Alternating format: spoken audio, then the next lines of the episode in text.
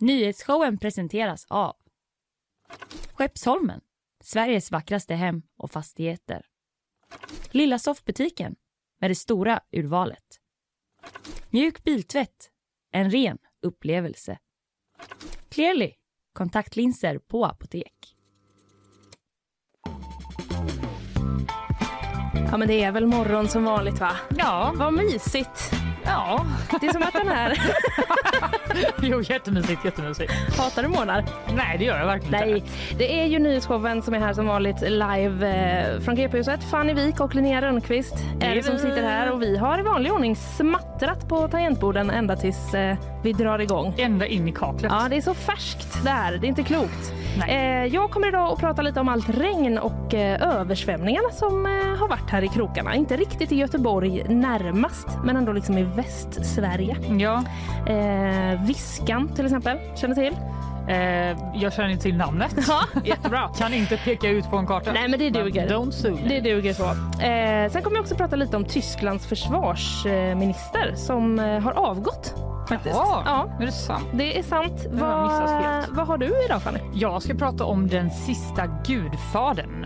En maffiaboss som har gripits Ja. på Sicilien efter Just det. 30 års jakt. Alltså, det är så himla länge att jaga någon. Det är så himla länge. Ja. Det är typ hela ditt liv, Linnea. Ja, det är faktiskt mer än hela mitt liv. Brag. Ja, verkligen bragg. Jag passar Ja. på nu. Det är bra. Mm. Jag ska också prata lite om eh, några goda direktörer i Göteborgs stad som tjänar 100 000 i månaden fast de inte har några arbetsuppgifter. Det låter ju som ett jobb man är lite avundsjuk på. Ja, Ja. Hur får man det jobbet? Ja, visst. Kan jag berätta för dig sen? Det är jättebra. Ja, Sen lite får andra vi- grejer, vi får se. Ja, lite andra grejer kommer också. Sen eh, får vi också en gäst som vanligt. Hanna Olvenmark är det som kommer Ja. idag som driver portionen under tian. Ja, Eh, och vi ska kräva henne på svar har jag tänkt på hur man lagar god, billig och nyttig mat. men det vet hon. Visst vet Ja, hon det det? Det hon. känns Det ju som, att, som hennes grej. Ja, det Mm. gör det verkligen. Det ska vi göra. Och sen blir det bakvagn också. Då har vi eh, lite allt möjligt. Eh, har du någonting där du vill? Alltså jag ska göra en Nämna. liten uppföljning på eh, min bakvagn som jag hade igår om Shakira Just och det. hennes exman. Mm. Och jag ska också prata om eh, ja, en, en hockeyspelare som har miljonskulder på grund av eh, att han har investerat i exotiska ormar. Åh, usch. Ja, det där eh, ser jag inte fram emot. Men vi behöver inte se på bilden som tillhör den det här är artikeln. radio. Det är radio, eh, det är det. Och eh, hur eh, är läget då annars Fanny? Eh, bra tycker jag. I morse när jag gick hit så hörde jag en liten, liten fågel. Asså? Alltså det var, kan ha varit någon slags hallucination. Men jag tror att det var våren som kom. Våren som kom. G- Åh, vad man ändå eh, känner att man är sugen på det. Ja, Men har du börjat gå till jobbet varje dag nu? Ja, men det bara, om det är mer än fem minuter alltså till vagnen kommer, Ja, då går jag bara. okej. Du kollar aldrig innan? Jo, men det är vad det är. Liksom. Man ska ta sig ut där ur lägenheten, det är helt mörkt. Ja. Bebisen sover förhoppningsvis. Man bara... "Åh, åh", och så tar det alltid hundra år. Ja, Så ibland hinner jag, ibland hinner jag inte. ja jag Och då ser jag det som ett tecken från någon att jag ska röra på fläsket och gå till jobbet. Jättebra, eh, jättebra höll jag på att säga. Jag ska inte värdera det. Nej. Du, eh, vi kör eh, igång va? Ja. Då är det jag som vill prata lite om översvämningarna. Mm. High Chaparral är översvämmat. Alltså jag har aldrig varit där. Nej, vet du, jag har varit där i vuxen ålder en gång. Nej, men? Det är så konstigt. Varför då? Jag hade inga barn med mig heller. Eh, nej men det var inte så Var du konstigt. där själv? Eh, Nej det var jag inte. Men Jag var där, eh, jag var på en roadtrip med eh, tält och eh, då så liksom hamnade vi där bara en natt. Men, men det var ju inte samma grej som det hade varit kanske om man var liten. Vi sprang inte runt med lasson och knallskott Vad gjorde du då? Tog en bärs i någon Eh, sån ja. saloon? Ja det gjorde jag. Gud vad trevligt! Jag är skitsugen på att åka dit nu. Men du, det ska inte handla om hur mitt besök var där för fem sex år sedan utan Nej. eh, det ska handla om översvämningarna nu. Det Ja. är ju den här eh, Västern-temaparken i Småland. Du känner till deras koncept? Ja, Mm. Eh, stora delar av den parken står nu eh, under vatten. ja Mm. okej. Och SMHI har ju utfärdat då varningar för eh, höga flöden, både gula och röda. Okej. Röda som väl är, om jag tolkar det rätt, eh, den högsta nivån. Liksom. Som betyder typ att det kan översvämma vägar och Mm. liksom sånt känslig infrastruktur. Det, är det är illa på riktigt. Ja, det kan liksom ha påverkan. Och det här är då i Jönköpings län, Västra Götaland och delar av Halland. Eh, så det är ett väldigt gränslöst naturfenomen det här. Ja, som, liksom det man inte, som inte kan respektera att vi har olika regioner Nej, och har liksom ordnat vår räddningstjänst ut man efter ska det. inte favorisera. Nej, det ska man inte göra, men man ska ju tänka att de kunde ta en i taget. Typ. Ja, okej. Jag vet inte, det kanske är bra också att inte en får eh, allt. Ja. Eh, men de här varningarna i alla fall, de har ju då legat ett par dagar nu och vad jag kunde se så gäller de fortfarande tills vidare. Okej, Så det finns liksom inget it's not slutdatum. over. Nej, det är inte det. Eh, och på eh, High Chaparral då, som blev, eh, igår blev ju det lite liksom ansiktet utåt för de här översvämningarna, för liksom hela alla medier börjar ju Ja. sådär. Det kom ju pushnotiser som bara så Det såg jag. Ja. Eh, men de eh, eh, drabbades då hårt av det här. Det finns lite drönarfilmer man kan se Mm. när, eh, som är filmade rakt ovanifrån området då, Mm. som jag illustrerar med min hand så här. Mm. Ja, fint. Typisk drönarhand. Visst. Mm. Eh, så det, det är då liksom ganska stor del av området som är täckt av vatten. Mm. Eh, och så sticker det upp liksom så lite remsor med träd och buskar här och var.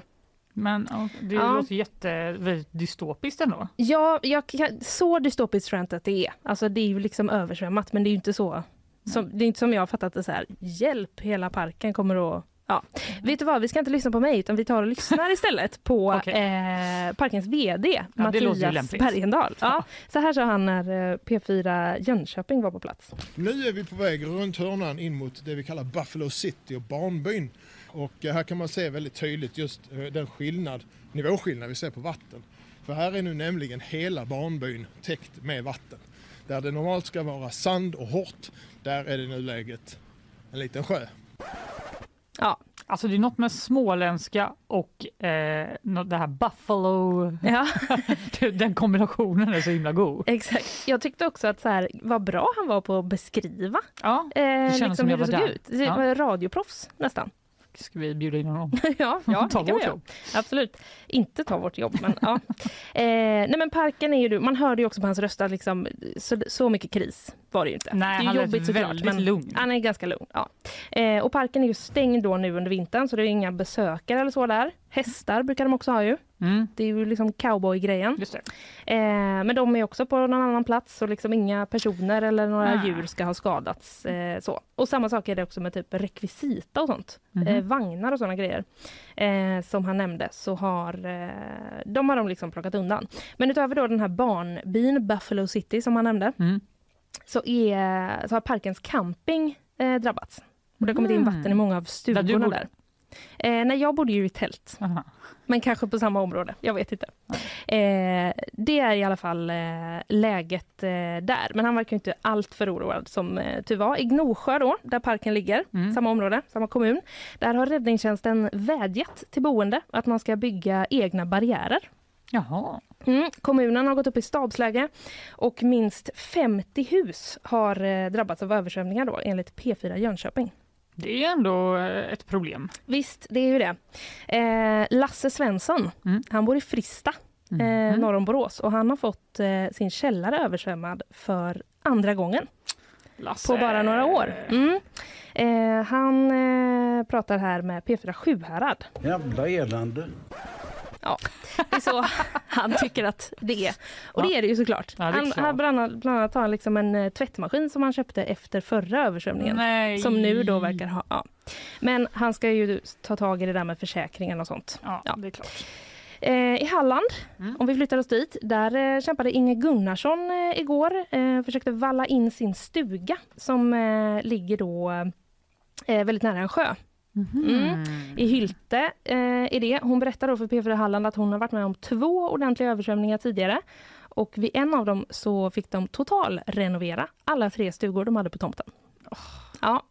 ja, det är verkligen Jag sån... blir så trött. Ja jag visst, visst blir man. Eh, men nu var hon då ute igår och försökte liksom för preppa så att de inte skulle bli så skadade. Eh, och det här verkar ju inte som att det är över än. Nej. Som jag nämnde så ligger varningarna fortfarande kvar från eh, SMHI. Det väntas mer regn. Och sen hörde jag också en räddningsledare som förk- förklarade då att även om det har slutat regna så betyder inte det att faran är över. För det är ju massa vatten som typ så hamnar i diken som ska ut till... Det ska rinna, di- di- di. rinna undan. Det ska rinna undan, exakt. Och eh, liksom ner genom skogen och sånt där. Eh, så det kan fortsätta, fortsätta stiga vattnet även om det har liksom regnat klart. Eh, och i, det är ju ett ganska stort område. Ja. Tre liksom regioner Jag som jag nämnde. Borås, Småland, Ja, exakt. Ja. Eh, så det är lite så här, jag kan inte ge mig på direkt och bara, här kommer prognosen för de närmsta dagarna. Hela Sverige. Ja, men det verkar i alla fall eh, som att det i en del av områdena kommer liksom kulminera i mitten av eh, den här veckan. Mhm. Så resten av veckan eh, kan man nog eh, behöva dras med det här. Mm. Det var kanske inte våren jag hörde. Nej, Ja, eller så typ, eller så är det ett vårtecken. Det är ju inte snö i alla fall. Det är sant. Man kan, kan hoppas, höll jag på att säga. Det gör det. Så partiska kan vi vara att vi får hoppas på våren. Får jag säga det här?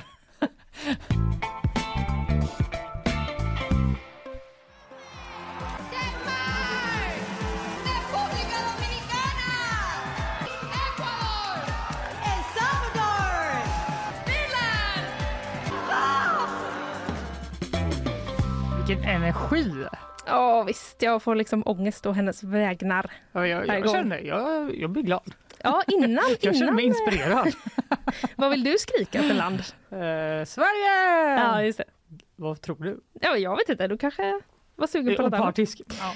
Du, eh, Från det ena till det andra. ja, Nu ska vi åka till Sicilien! Sicilien. Vad tycker du om energin i min röst? Jättebra Ja, energi. Mm, Mm. Ja, tack. Eh, Miss då- Sicilien är det Ja. jag sitter med här. De bara ursäkta. Har ni släpat upp den tjejen från Göteborg säger till Miss Sicilien? Det kan ni glömma. Nej, det är fake news. Ja, men där, på Sicilien i alla fall Mm. har den sicilianska maffiabossen Matteo Messina Denaro gripits efter en 30 år lång jakt. Ja, det är en så lång jakt, som vi sa innan. Han måste vara trött på det där nu, tänker jag. Ja, och även de som jagar honom. Ja, verkligen. De bara, vad fan ska vi göra nu? Jag har inga arbetsuppgifter kvar. Det är som de här direktörerna.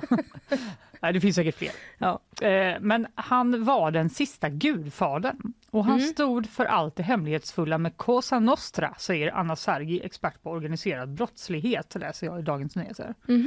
Eh, Den sista gudfadern, vilken ändå, vilken titel Ja, att få.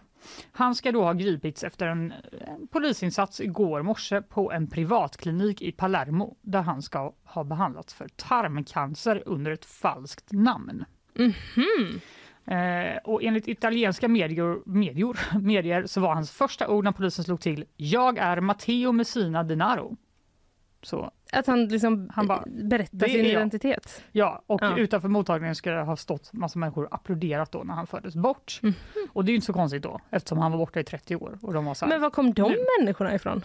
Ja, jag antar att det bara var att de råkade vara där. Ja. Och så, så såg de det här inträffa. Det låter konstigt om polisen har fixat en hord med människor som ska...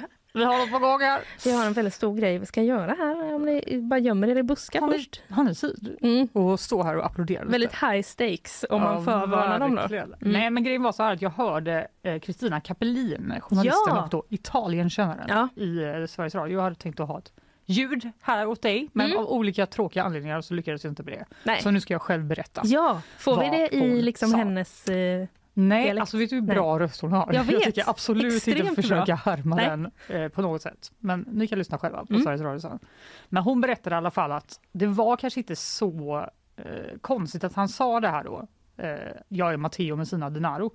För att polisen på Sicilien hade liksom hört på stan att han var väldigt sjuk. Mhm. Eh, det hade liksom börjat sippra ut. Så de hade börjat kolla på då olika privatkliniker. Bara, hmm, eh, är det så att han får behandling här? mm. Eh, för ryktet var då att han kanske ville bli hittad eftersom han är så pass sjuk. Aha, okej. Och då hittade de väl något konstigt namn då på en av de här klinikerna och bara, Mm. det här låter ju lite konstigt. Mm. Mm, vi kanske ska gå dit och kolla. Och så satt en gubbe där. Och då gick de fram till honom och bara, ursäkta vad heter du? Och då sa han, Oj. Det är jag som är Matteo Messina Denaro. Ja. Så det kanske var liksom inte helt så att de bara stormade in och han bara nej. Nej, Utan det, var inte så att de visste exakt kanske. De visste inte att det var han, de visste inte att de skulle hitta honom säkert. Nej. Och kanske var det så att han till och med ville bli hittad då, Mm. eftersom han då verkar ha cancer. Men vem är den här människan? Ja, undrar ju du. Jo, jag läser vidare här i DN att eh, han föddes in i en Cosa Nostra-familj. Cosa Nostra är ju då den sicilianska maffian. ja. Det är det de Har heter. väldigt dålig koll på maffian. Mm, jag ska berätta Ja, lite bra. mer. Det finns Mm. lite olika grenar av den, Mm. den italienska maffian och det här är den sicilianska maffian. Och han började då redan som eh, liten hjälpa sin pappa Francesco Mm. med The Family Affairs på Sicilien. Så kan det ju vara då om du föds in i maffian på det sättet. Åh, så jobbigt. Ja, han har själv hävdat att det går att fylla en hel kyrkogård med hans offer. Det är Så- så jävla sjukt så jävla dåligt skryt. alltså helt, ja. okej. Eh, och han har också anklagats för ett stort antal mord genom åren då när han har hållit sig borta. Bland Mm. annat har han dömts i sin frånvaro till livstidsfängelse för två bombdåd Mhm. i början av 90-talet eh, där två utredningsdomare dödades. Mhm. Och bakgrunden till det var att de arbetade med det så kallade Maxi-processen som var en jättestor rättsprocess där flera hundra medlemmar av den här Cosa Nostra maffian eh, stod anklagade Mm. eh, för brott, vilket de då inte uppskattade och därför krävde in, började kräva in massa gentjänster då från höga politiker och också eh, slog tillbaka med våld genom diverse sprängningar. Herregud. Eh, Det är så konstigt, på något sätt känns det liksom konstigt att tänka sig att så här, det här finns i jag verkligheten. vet. Man tänker att det bara finns på film Jag eller vet. att det bara fanns för jättelänge sedan. Det tydligen inte. Nej, Det är nej det som är så sjukt. uppenbarligen. Men också för att man är lite skadad av all kultur som har skildrat Ja. verkliga händelser. Så man är så här, va? Jaha. Men Ja. eh, det här är högst verkligt och i de här eh, bombdåden, de spr- sprängde bomber i flera stora italienska städer och ett tiotal personer dog. Eh, så det är ju såklart jätteallvarligt Mm. och det är också någonting som han han sägs vara någon slags arkitekt bakom de sprängningarna. att det var här, okej. hans idé Hans plan. hans plan. Han ska också ha varit delaktig i en kidnappning av en tidigare maffiamedlems son, en 12-årig son, eh, i något försök att få honom att inte gå till polisen och då berätta olika saker som de ville att han skulle hålla tyst om. Och efter tre års tid så mördade de den här pojken och eh, hans kropp löstes upp i ett syrabad. Herregud. Så det är ju liksom ingen liten lammunge vi pratar om här utan han har ju verkligen stå, står anklagad för väldigt allvarliga saker. Ja, Eh, och men de, tiden, hade de honom alltså fången i tre år? ja, då? det står det här Fy i Dagens Nyheter. Ja. Helt fruktansvärt. Eh, och allt det här då att han också har lyckats hålla sig då under jord i 30 år har Ja. gjort att han har blivit mäktigare och mäktigare och fått mer inflytande och Mm. han utsågs till bossarnas boss efter att den tidigare Cosa Nostra-ledaren Salvatore Toto Rina dog i cancer 2017. Mhm. Så det är ju också då att de andra har fallit bort Mm.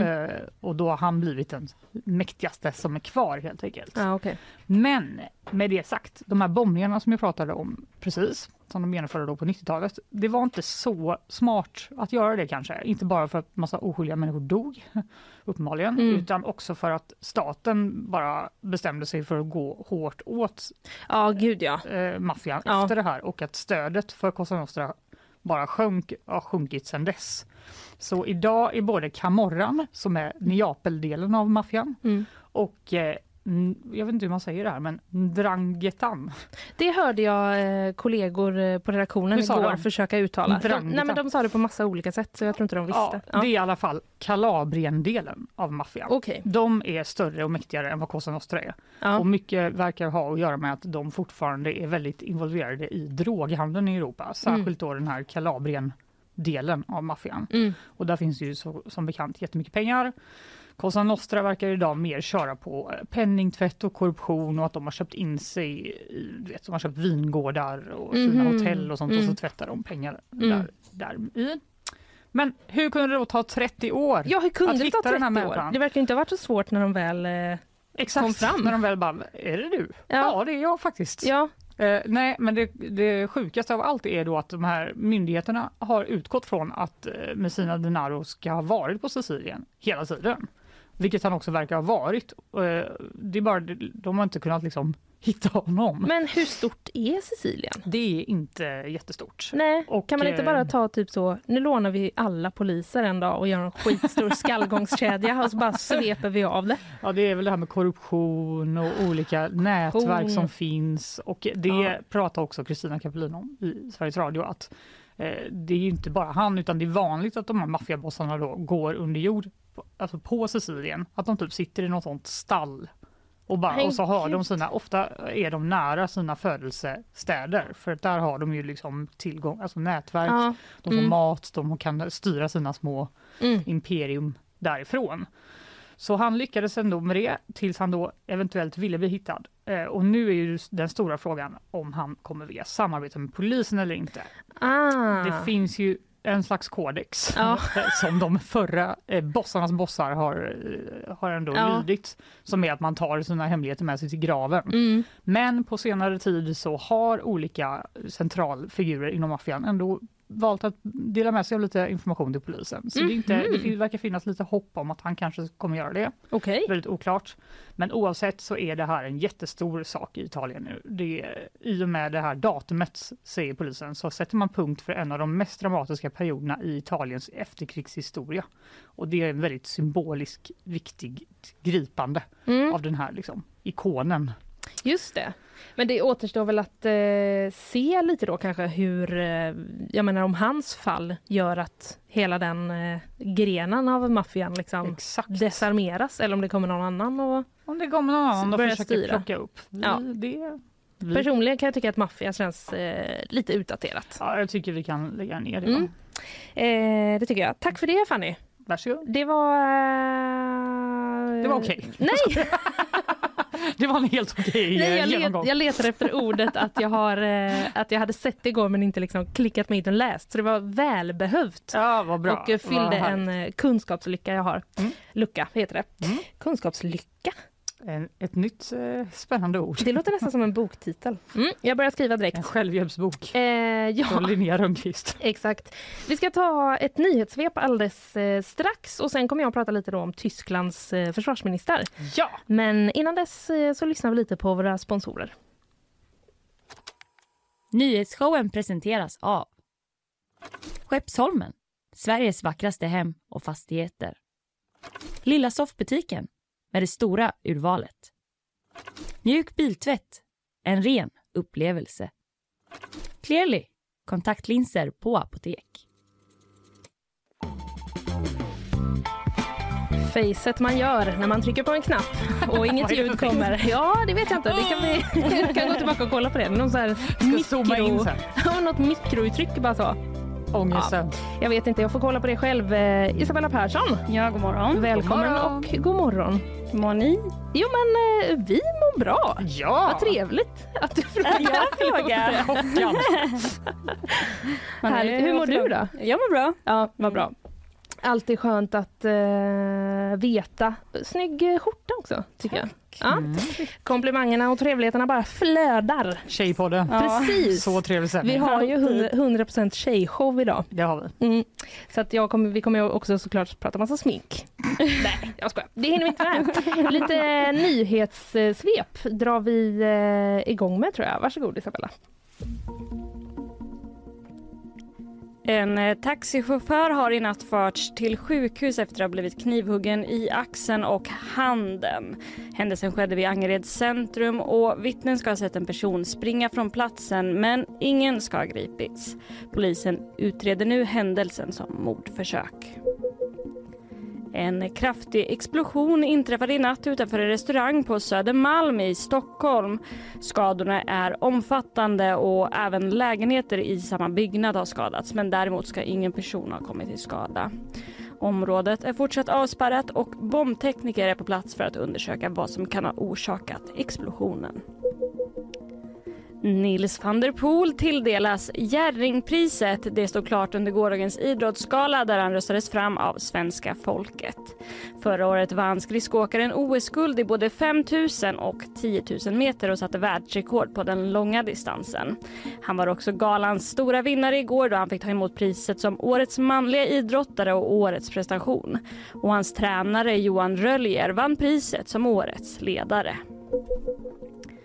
Och vi avslutar morgonens första nyhetssvep med en glädjande rapport från handbolls-VM där det svenska landslaget verkligen levde upp, för, upp till förväntningarna igår i Skandinavium. 47-12 blev resultatet i den avslutande gruppspelsmatchen mot Uruguay vilket är den största segermarginalen någonsin för det svenska herrhandbollslandslaget. Nu väntar mellanrundan för Sverige som inleds imorgon. 47-12. Det var ändå härlig, ett härligt resultat. Ja, det var väl som eh, Felix, vår eh, handbollsreporter sa, eh, var det kriminellt... Dåligt motstånd. Ja, det får man nästan säga. Jag ska inte skratta åt någon i och för sig. Det är svårt med handboll tycker jag. Ja, alltså. Typ bara svårt att hålla i bollen, eller? Am I right? Men de har ju lite så fuskklister ändå. Ja, det är det de har. Det är det de har. Ja. Eh, Grattis. Nej, Mycket bra. Grattis Sverige. väldigt kul. Verkligen grattis Sverige. Ska vi också bara stanna lite vid Jerringpriset Mm. med- som Nils van der Poel fick. För han sa ju det där, vad var det han sa? Han sa någonting om att eh, jag kan inte ens rida. Ja. Eller något sånt där. Jag trodde inte jag skulle vinna för jag kan inte rida sa han. Nej, För Och då Var det någon, det har roast eller? Nej men det har varit en snackis de senaste åren med Jerringpriset att eh, eh, Peder er, eh, Fredriksson heter han, Just det. eh, ryttare vann ju. Och sen så har det varit så att hästfolket kuppade in hästmänniskorna för att vinna Jerringpriset. aha, Så det var för man röstar fram till vem som vinner. Exakt. Så Ja, Henrik okej. von Eckermann som också är ryttare, han kom tvåa i den här omröstningen. Mhm. Så att, eh, det Men hade- om det är, är röstning som avgör så Ja, var det kan, där- kan man verkligen de kuppa då? Exakt. ja? Nej. Exakt. Nej men det är lite spännande. Det var någon som beskrev det som en pik men jag vet, jag vet inte riktigt. Är det en pik eller var det ett skämt? Jag tror att det var ett eh, skämt. Ett Ja. tråk, ganska tråkigt skämt. Det ska vara det kanske var det. Eh, Isabella, tack eh, för det här. Vi eh, ses eh, lite senare för ett, eh, ännu ett nyhetssvep. Det gör vi. Vi har gjort ett jättemisstag i våran kalkyl. Där vi tänkte det skulle regna ett par dagar och går folk och handlar. Vi vågar inte räkna med att vi skulle ha brasseväder i hel vecka. Vad man är sugen på brasseväder, Fanny. Mm. Men nu ska vi till Tyskland. Ja, Yay! Kanske inte ansiktet utåt för eh, brasse... nej det var inte det Känsla. första landet som came to mind. Nej, kanske inte. Kanske Brasilien, jag vet inte. Ja, just det. Ja, kanske. Kanske. Eh, men du, hur som helst så har Tysklands försvarsminister Christine Lambrecht eh, avgått. Mhm. Mm. Eh, varför gjorde hon det, tänker du? Ja, det tänker jag. Ja, det var väldigt väntat. Så hade du varit inläst så eh, hade du inte tänkt så. Roast me. Ja, Va? förlåt, jag blev sugen. Du är ju här. Jag hade ingen aning heller, men jag har ju läst på. Ja, vad skönt. Eh, ja, enligt tyska medier var det då väntat. De kom med uppgifter redan i fredags om att hon var på väg att avgå. Okej. Och hon har fått en hel del kritik, bland annat då för att den tyska upprustningen som hon har ansvarat för inte har kommit igång. Eh, alltså rusta upp Ja. försvaret. Ja. Eh, men också för en hel del andra eh, saker har hon fått kritik. Ja. Mm. Vad säger hon då om att hon liksom nu måste avgå på Mm. grund av eh, den här kritiken? Jävla elände. Det var ju Lasse. Lasse. Hon sa inte så här, utan hon säger det klassiska man säger eh, när man avgår. Vad är det Fanny? Vad brukar man säga så? Typ om en politiker så bara, har haft det kämpigt ett tag och sen så avgår de. Vad säger de då? Mm. det är svårt kanske. Jag bara försöker höra någon, alltså någon, i, någon i mitt huvud. Ja. Nej, då säger man att medierna har fokuserat på mig som person. Ja, okej. Jag vill inte stå i vägen för de här frågorna. Just det, Ja. jag måste... Det, jag har inte gjort något fel, men det är lika bra att jag tar ett steg tillbaka. Precis, liksom för frågans skull. Just det. så kan inte jag som person, jag står i Nobelt. vägen för den här viktiga debatten. Typ. Eh, hon, säger då, ja, hon säger då precis så att mediers eh, fokus på henne de senaste månaderna har stått i vägen för en saklig debatt om militären. Mhm. Ja, Vad men- dumma media gjort nu då? Vad är det dumma media säger?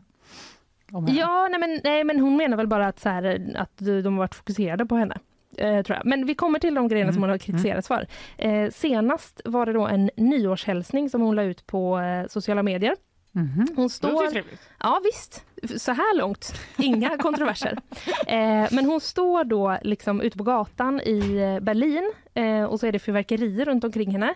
Eh, och, så, och så säger hon bland annat då att kriget i Ukraina har lett till många speciella upplevelser och chansen att möta fantastiska och intressanta människor.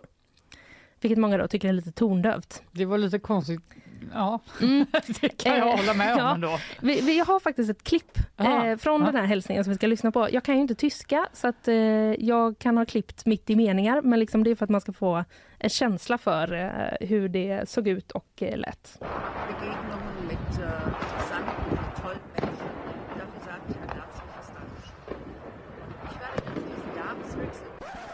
Mm, Extra sjukt att det låter som att hon är i kriget. exakt. Alltså det var ju precis, det var ju en video hon la ut men nu när man bara liksom hör det så känner man ju bara eh, är det, det för ju tankarna till krig. Liksom. Ja, det får man ändå säga. Ja. Eh, hon har också då fått kritik för att hon i början av eh, förra året, 2022, då, sa att eh, Tyskland skulle skicka 5 000 militärhjälmar till Ukraina för att stötta dem. Okej. Ja, då fick hon eh, svar bland annat av Ukrainas ambassadör i Berlin eh, som då sa vilken typ av vapen tänker Tyskland skicka härnäst? Kuddar? Frågetecken. Burn! Verkligen! Ja. Eh, ja, Wow! ja, verkligen. Verkligen burn. Ja. Eh, och i april då också förra året eh, så eh, tog hon med sig sin son på en flygning med en militärhelikopter. Eh, sin 21-årige son. Eh, och eh, han la då upp en bild på det här på Instagram som, eh, som hon ska ha tagit. Då. Enligt eh, SvD så var de först på väg till en garnison och sen åkte de med samma helikopter på semester till den lyxiga ön Sylt. Sylt! Ja. Vad är det för underbar plats Ja, på alltså, jorden? Vet du, det tänkte jag att jag skulle ta reda på att- innan vi Sylt. började sända. Ö i Tyskland Jaha. eh, är det. Den Gjord lyxiga... av sylt. Vet du vad, nu när jag bara så googlar lite snabbt så får jag ändå mycket träffar på stränder där det faktiskt ser ut att vara brasseväder. alltså, ja, rekommenderar er Då att vet vi googla. alla vart man åker för brassväder Visst, ja. i Tyskland.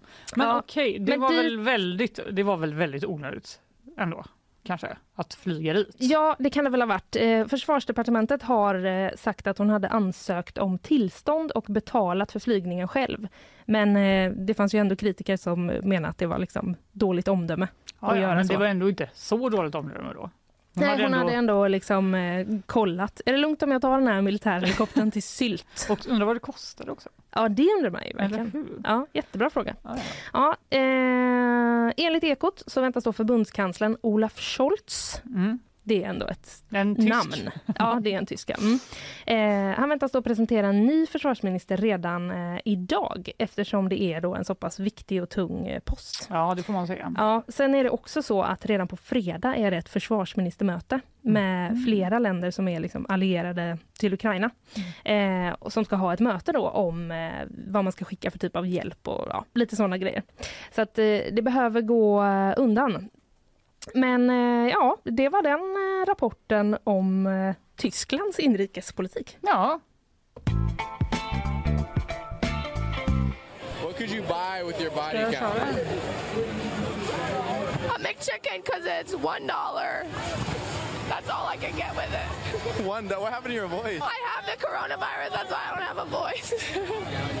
so clean the mic after this, or you will get it. I have the coronavirus. Förlåt, jag var tvungen att testa och härma henne. Eh, du, nu har vi kommit fram till att vi alldeles strax ska få in vår gäst i studion. Aha, men eh, innan dess tar vi lite meddelande från våra sponsorer. Nyhetsshowen presenteras av Skeppsholmen, Sveriges vackraste hem och fastigheter. Lilla soffbutiken med det stora urvalet. Mjuk biltvätt, en ren upplevelse. Clearly, kontaktlinser på apotek. Ja du Fanny, är du sugen på att veta hur man lagar eh, billig, nyttig och god mat? Ja, Jag är faktiskt jättehungrig. Inte så bra. Nej, det var ett Du som också planering. kastar i dig en näve müsli. Alltså, så det är starkt glammigt jobbat. liv här på Ja, det, är, det är så glammigt så det är inte sant. Eh, vi ska ta och släppa in eh, Hanna Olvenmark, eh, våran eh, kära gäst idag och eh, så kommer vi tillbaka alldeles strax. Ja! Ja, men då har vi alla eh, kommit på plats på de höga stolarna. Eh, nu ska vi prata om eh, hur man får den här eh, mardrömsekvationen, säger jag för egen del. Jag tycker det är svårt Ja. eh, att gå ihop. God mat som alltså är nyttig och och eh, billig. Januari är ju också känt som eh, lite fattigmånaden som eh, i alla fall du och jag har känt av Fanny Ja. hittills. Ja. Och om det är någon i hela Sverige då som kan hjälpa oss att få den här ekvationen att gå ihop så känns det som att det är dagens gäst. Dietisten och matinfluensen Hanna Olvemark, kvinnan bakom bloggen och Instagramkontot Portionen under tian. Välkommen hit Hanna! Tack så jättemycket. Du, eh, känns det som en svår eh, uppgift som jag nu har målat upp den som en mardrömsekvation? Mm, rädda alla. Ja, det var lite svårt ändå. Vilken press det var i den här påan. Ja, det var... Rädda hela Sverige från en mardrömsekvation.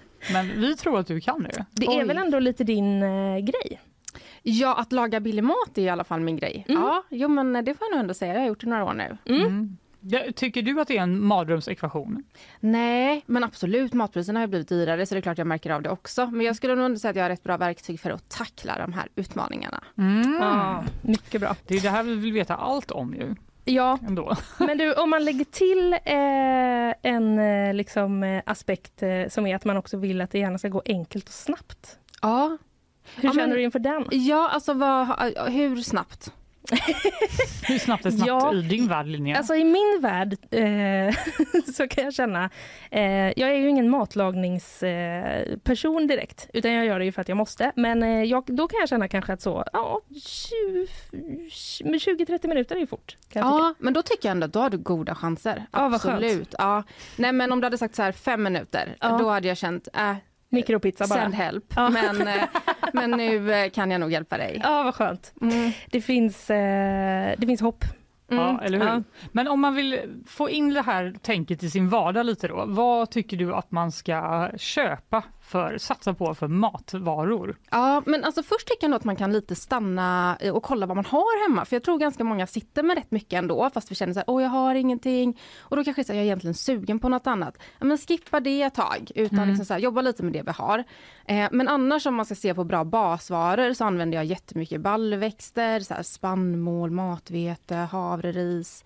Eh, Sådana saker. Eh, även rotfrukter, frysta grönsaker, frysta kryddor.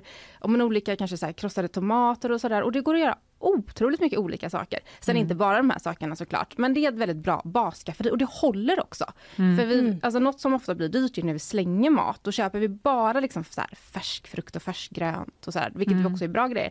Men då det slänger, har vi en tendens att slänga ganska mycket av. Så gå till frysen istället och köp grejer där.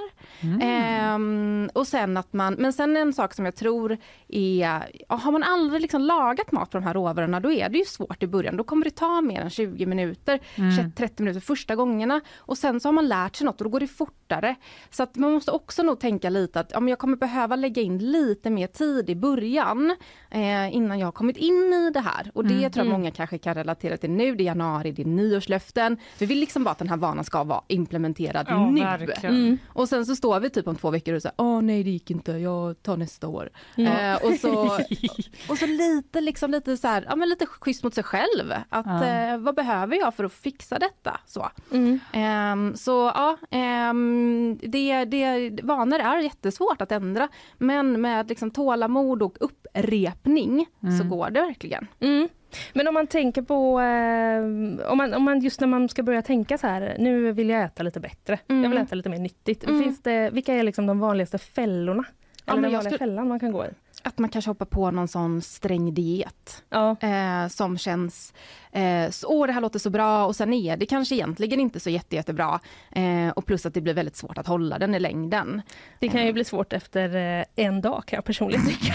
bara, Ja. bara man känner så, nu får jag inte. Ja, Så blir man ju arg typ. ja, då vill man gärna. Mm, och det är väldigt Ja. många idag som, jag menar jag är själv kokboksförfattare liksom, eh, så, men alltså som vill sälja in en viss liksom, eh, ja men en, en, Mm. viss, en viss diet och eh, kanske säger att det kommer ge så mycket si och så och så och så. Eh, men sen så kanske det snarare blir en ganska eh, restriktiv kost också, så absolut inte Mm. bra eh, för alla. Så ja men det, skulle jag ändå säga en liten vanlig fälla att man vill göra det så extremt avancerat så. Ja, att man går ut för hårt. Ja men absolut. Eh, Just det, att man inte orkar i längden då. nej. Men jag här står ju en ganska rolig fråga som jag nu bara kommer läsa. Jag tänker typ sallad, är inte det en onödig råvara? Det mättar inte, det är dyrt, det är mest vatten. Ja, jo men om man skulle tänka grönsakerna så skulle man inte säga så här, satsa på de gröna salladsbladen bara utan Mm. nej men det kan vi, vi behöver absolut inte äta de salladsbladen. Nej. Jag själv tycker jag så att, ja men gud det kan vara gott med lite krisp typ, så här Ja, med isbergssallad, Ja. det gillar jag väldigt mycket. Det är väl typ eh, kanske enda i Sverige som gör det. Men, men, Men jag eh, gillar det jättemycket också. Ja, jag gillar också Ja, det. det är gott. Men nu är det inte säsong för det, så då behöver vi inte äta det. Men, eh, men grönsaker, det bör vi verkligen äta, men absolut sallad måste vi inte, inte äta. Men jag tycker Eh, det är så många nyårslöftes liksom, luncher nu som bara är så här, det ska bli en sallad och sen Mm, blir man ja. inte mätt och så kanske man ändå går och köper något, någon liten I vår lilla sen maskin här. Ja. Mm, ja men det är, ju- där tar ni upp någonting. Jag tror också att det är en vanlig liksom, eh, fälla och framförallt skulle jag nog vilja kanske eh, generalisera lite att vi kvinnor har en tendens att göra det där, att vi tänker att vi inte ska bli mätta på mat. Mm. Och det är också jättefel tänk för det är jätteviktigt att bli mätt på mat och sen för annars är det lätt att man blir sugen där en timme senare kanske eller två och så blir det, ja men som ni säger klockan tre då går man till den där automaten. Mm. Ja, men hur, hur hjälper mig själv där då? Ja men eh, kanske också ta med ett mellanmål, alltså att man har tänkt lite i förväg. Jag brukar verkligen så här, ordet planera är inte så roligt och jag är liksom fullt medveten om det. Men att man har liksom ändå tänkt in sig situationerna det innebär. För det är ju situationerna när man blir akuthungrig eller sugen. Hur hjälper jag mig där? Eh, och då behöver man oftast tänka lite i förväg. Eh, Just det. Men om det är någon som lyssnar nu som har tänkt att bara äta salladsblad eh, till lunch. ja. jag pratar inte om mig själv. En liten kanin där Men, ute. eh, Ja, jag vet inte. Nej, men, så kan det finns vara. det någon liksom, har du någon sån go-to-rätt som du kan tipsa om som uppfyller liksom de andra kriterierna av att man mättar och det är billigt och det är nyttigt och så? Eh, ja men jag har ganska, ganska många go-to-rätter. Jag gillar att ha, ja, men som jag sa innan, något, så här, något mat. Skulle du göra den här salladen då, så kanske skit i de här salladsbladen. Men har du redan köpt dem så får du använda dem. Eh, men eh, kanske lägga in då något, något matigt spannmål. Havreris, jättebra. Mycket fiber, mättar. Eh, Också näringsrikt. Eh, på med någon baljväxt, eh, kikärtor, eh, vita bönor eller linser. Eh, gör någon god sås, blanda liksom frysta kryddor, lite olja, kanske lite vinäger för att bara få en dressing. Liksom. Eh, sen kan man använda sig av lite men oliver, lite soltorkade tomater, men man låter inte det utgöra hela basen för då kan det bli dyrt. Eh, men man har det liksom smaksättning. Ehm, Ja, det här var kanske inte min go-to-rätt. Nu försökte jag hoppa på salladen här. Men, ja, eh, men om du bortser från den jättegott. och bara, ja, det, jag. tycker också det låter gott. Men om du bortser från den, har du någon sån eh, som liksom, eh, för du har ju ändå jättemycket recept Mm. ute på hemsidan och sånt. Jag tänker folk måste typ höra av sig också. Är det någon sån rätt som är typ särskilt så, den här har verkligen slagit igenom hos folk? Ja men den som jag mest marknadsfört själv då som verkar slått igenom det är den som är grönkålspastan. Den går på 11 minuter när jag lagar den. Ja. Så den klarar sig inom din ram. Du, eh, jag vill bara säga att eh, den har jag överlevt på ganska länge faktiskt. Jag har lagat den så mycket. Hade en eh, väldigt spännande, eh, vi hade diskussion om den till och med här Ja, på redaktionen. Men vi Ja. som inte har ätit Nej. den, berätta vad det är. Ja men det är en, en rätt där du eh, torrostar lite solroskärnor eller solroskärnor och sen mixar du det med någon typ av mjölkdryck. Jag brukar köra havredryck blir den väldigt krämig och näringsrik grädde kan man säga. Och sen så fräser du vitlök, grönkål, slår på den här, blandar med pasta och sen har i lite ost och den går ju liksom väldigt snabbt att göra. Eh, Men andra rätter som, jag, som är väldigt populära det är ju sånt som, eh, men som är enkelt att göra som man gärna får mycket av. För du, när du sa fem minuter, om du har förberett att laga ett storkok då kan du värma på två minuter. Så då är tre minuter över då. Eh, men eh, det, eh, så vegetarisk lasagne har jag en stor som du lagar liksom, som blir typ 8-10 portioner. Eller en, eh, en kikärtsgryta. Ehm, det finns många kikärtsgrytor jag har gjort genom åren. Eh, men de brukar, vara, de, de brukar gå hem så här års, framförallt januari. Så. Man vill liksom komma igång med storkoken, matlådorna. Just Och det. är också superbra sparknep. Alltså, eh, det sparar vi generellt jättemycket på, att ta med vår, göra vår egen mat och ta med vår egen mat. Eh, Just det. Men finns det någon liksom, kikärtor var du inne på, men finns det någon eh, underskattad eller bortglömd råvara som du vill tipsa om att man kan eh, köpa? Ja, men jag tycker frysta grönsaker är lite underskattade och bortglömda. Kanske för att man tänker att det inte skulle vara näringsrikt eller att frysta grönsaker inte är bra. Eh, det, det, jag vet inte riktigt vad, vad nu säger jag, folk, men vad man har fått det ifrån. För jag har hört det jätteofta att men det är väl Ja. inte bra. Eh, men det är, frysning är ju en jätteskonsam förvaringsmetod. Eh, så att det är jättebra grejer. Och det är mycket billigare än att köpa, eh, fryst broccoli är billigare än färsk broccoli till exempel. Eh, oftast. Eh, Det är bra tips. Jag, vet inte vad, jag känner igen mig i det här att jag, jag kanske kanske också tänker att det inte är lika liksom, nyttigt. Mm, nej, jag, nej, jag känner också det. Att man typ tänker att det är något som försvinner i frysen. Mm. Men det är nog bara för att det ser annorlunda ut kanske. Ja. Att man typ tänker Lite så. annorlunda konsistens blir det ju. Ja, och då kanske Ja. man får göra någonting annat så här, till exempel spenat, om man är van vid att köpa färsk spenat så köper man fryst spenat. Alltså det är kanske inte det vi ställer fram i en salladsskål på bordet. det blir lätt lite Såna geggigt liksom. tärningar som bara Ja, ja verkligen. Varsågod, nu sparar vi pengar här hemma i familjen. Eh, men då får man göra någonting annat i det. Kanske ha ner det i eh, liksom, grytor eller man kan ju göra jätte... Jag använder ju mycket frysta grönsaker till att göra olika typer av eh, pålägg som gröna ärtpålägg eller du kan Mm. mixa broccoli, eh, majs. Eh, så man får liksom kanske använda det på ett annat sätt. Men också det här med grönsaker. Grönsaker, vi behöver ju äta mer av det. Vi äter generellt liksom för lite av det. Eh, det behöver ju inte vara i, vid sidan av alltid. Utan det är Mm. verkligen att få in det i maten. Eller som nu jag nämnde, ta det som ett pålägg. Då kanske du kan få in både baljväxter och eh, liksom lite grönsaker eh, på mackan. Det är ju verkligen också ett sätt att få i sig det. Så att man får in det lite, liksom lite här och var. Istället för att man tänker den här, nu ska jag stå och hacka den här salladen. Nej. För blir det ett extra moment så kanske vi inte heller, ja men det kanske man så här, man är trött på kvällen, men jag skiter i det där liksom. Mm. Men, men dina recept som du gör, de är, är de vegetariska allihopa? Eh, ja, de, jag gör lakto ovo vegetariska. Eh, den som är, liksom, är lite observant kan hitta två köttrecept på hemsidan. Men jag, jag gör mm. faktiskt inte köttrecept. Jag gjorde, Nej. det, jag gjorde två i, i början. Eh, men, och jag är absolut inte emot att liksom äta kött per se så, men eh, jag vill ju verkligen förespråka att vi äter mer växtbaserat. Mm. Sen är man vegan, vegetarian, flex, alltså I don't care helt Mm. ärligt. Men, eh, ehm, men att vi, eh, ät, vi behöver äta mer växtbaserat i eh, samhället. Och eh, av klimatskäl inte minst. Mm. Eh, och vill visa liksom lite ansikte på den här maten. När jag själv började liksom intressera mig för billig mat hade man hört att ärtsoppa är billigt. Men hur kul är det hela tiden? Det är det ju inte. Eh, och, bara, och jag har jättesvårt för ärtsoppa fortfarande men jag tycker gula ärtor är en fantastisk råvara. Så att jag har velat bara vilja experimentera dö mycket med baljväxter. Mm. Eh, Hur många recept har du publicerat? ja, men jag tror att det kanske finns eh, 400 kanske eller något sånt där. Men Eh. gud, alltså, hur, blir du inte trött ibland och känner bara, jag har Jo. ingen inspiration överhuvudtaget. Nej, Jag orkar inte hitta på till recept. Jo, det är klart. Absolut. Hur gör Eh, du då? Ja, men jag har en liten strategi för det. För att jag tror också det här är viktigt. Jag tror många vill vara så att man ska känna sig så inspirerad hela tiden Mm. till att göra det som man då har tänkt. Men jag tror inte på inspiration eh, jämt och ständigt. Det är jättegött att vara inspirerad. Eh, men eh, det, eh, nej men jag har ett litet, en litet systematiskt sätt att jobba med recept när jag måste komma på något. Och det är att antingen jobba med en råvara, bara, nu ska jag laga något på den här. Då kan jag bara ingrediensgoogla, säg morot. Eh, och då bara länsa nätet på vad har man gjort på morot innan.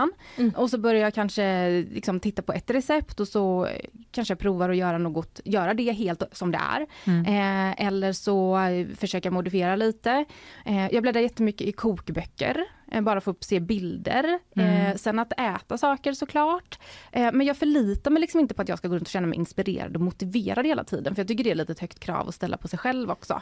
Ja, man ska ju Eh, äta så många gånger om dagen så det blir liksom Det är, Ja. ja. det är så många väldigt gånger. mycket tid man måste känna inspiration eh, Ja. för maten. Då. Ja men och vem har inte känt så här klockan nio på morgonen? Ja men ny dag, härligt, nya möjligheter, känner mig inspirerad. Och sen så på klockan halv sex, eh, den inspirationen är long gone. Ja. Och så ska man gå och handla och så bara åh, hungrig, stressad, trött. Så att just det här också då med planerandet, att det handlar egentligen om att hjälpa sig själv att fatta lite mer rationella beslut och inte gå på känslan hela tiden.